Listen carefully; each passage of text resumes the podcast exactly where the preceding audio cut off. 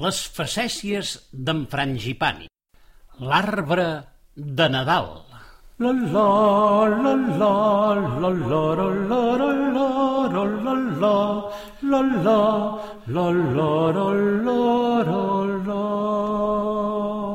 Han passat els anys i Frangipani ja és tot un noi ben plantat.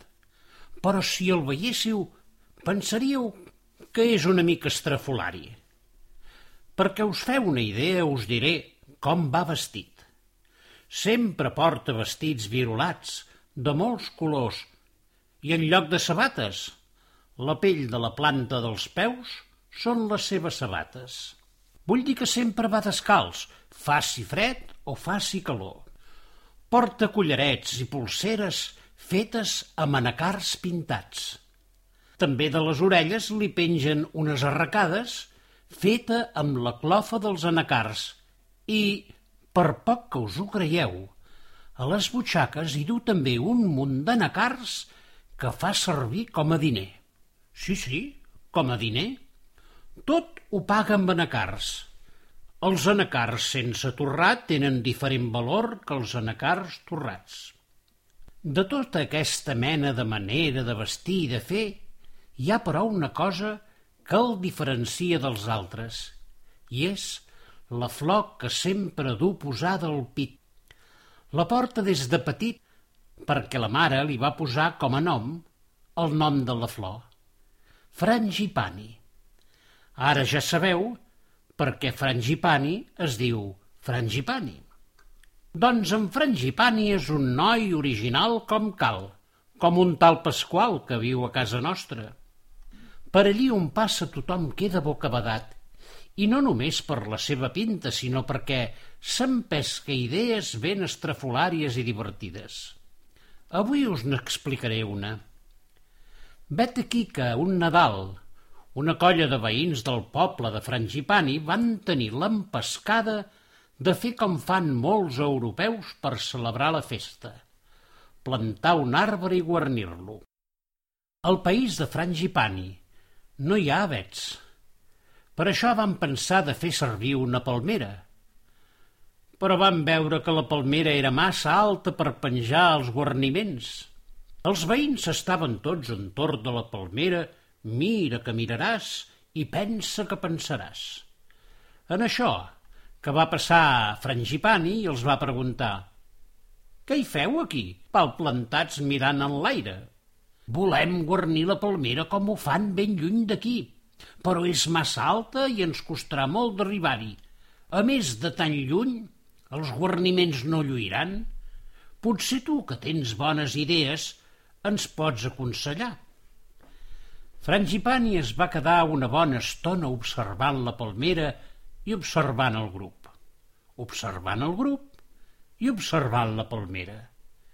Aleshores els va preguntar i ja teniu guarniments? Els guarniments? Oi, no hi havíem pensat. En aquells països hi pengen una mena de boles brillants. També haurem de pensar d'on traiem les boles. Frangipani va seguir observant la palmera i el grup de veïns, i després el grup de veïns i la palmera, i aleshores va exclamar «No res, això és ben fàcil. Primer caldrà cercar un arbre no massa alt. Tots els veïns es van posar a pensar quin dels arbres que tenien al país els podia servir. Tenien cedres, banús, mangles, baobabs, acàcies... Tots ells eren massa alts o massa retorçats. Frangipani els va dir que hi havia un arbre que els podia servir, i era el pal de rosa. El pal de rosa, però si per aquesta època està ben pelat, sense cap mena de flor... I què? Un arbre pelat és el millor per guarnir. Els guarniments li donaran vida, no us sembla? Tothom hi va estar d'acord i van decidir portar un pal de rosa i plantar-lo al mig del poble. Ara calia pensar en els guarniments. Aleshores, Frangipani es va treure una arracada i la va penjar en una branca del pal de rosa. I va desfer el seu collaret i va començar a penjar anacars per tot l'arbre. Feia goig veure el pal de rosa decorat amb els anacars de tots colors. De cop i volta, però, es va aixecar una forta ventada que els va portar papers i plàstics de no sé on, i tots els anacars que penjaven del pal de rosa van sortir volant. Quin desencís van tenir els veïns del poble. El seu arbre guarnit tornava a estar ben despullat i tot el poble brut de bosses de plàstic. En Frangipani no li va molestar gens aquell vent furiós. Ans al contrari. Ell sempre deia que una idea porta una altra. Així és que, agafant una bossa de plàstic, la va omplir de nacars de tots colors i després va penjar la bossa a una branca de l'arbre. Tots els veïns es van posar a fer el mateix i a l'hora que anaven penjant bosses a l'arbre també netejaven el poble. S'hi van passar tota la nit, recollint bosses, pintant anacars, omplint les bosses amb anacars i penjant-les a l'arbre. Quan ja no va quedar ni una sola bossa a terra i totes eren penjades al pal de rosa, va sortir el sol. I heu de creure i pensar i pensar i creure que la llum del sol ixent va començar a il·luminar les bosses plenes de nacars que penjaven al pal de rosa i el reflex dels raigs de sol els donava una lluïssor com si verament totes aquelles bosses tinguessin llum pròpia.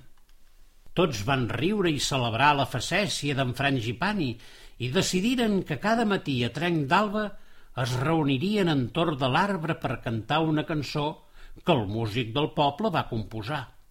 La cançó feia així. Donem, donem, donem, donem la benvinguda al sol, el sol, el sol, el sol, el sol ens il·lumina l'arbre, l'arbre que guarnim plegats i plegats cantem la joia de l'arbre guarnit amb anacars.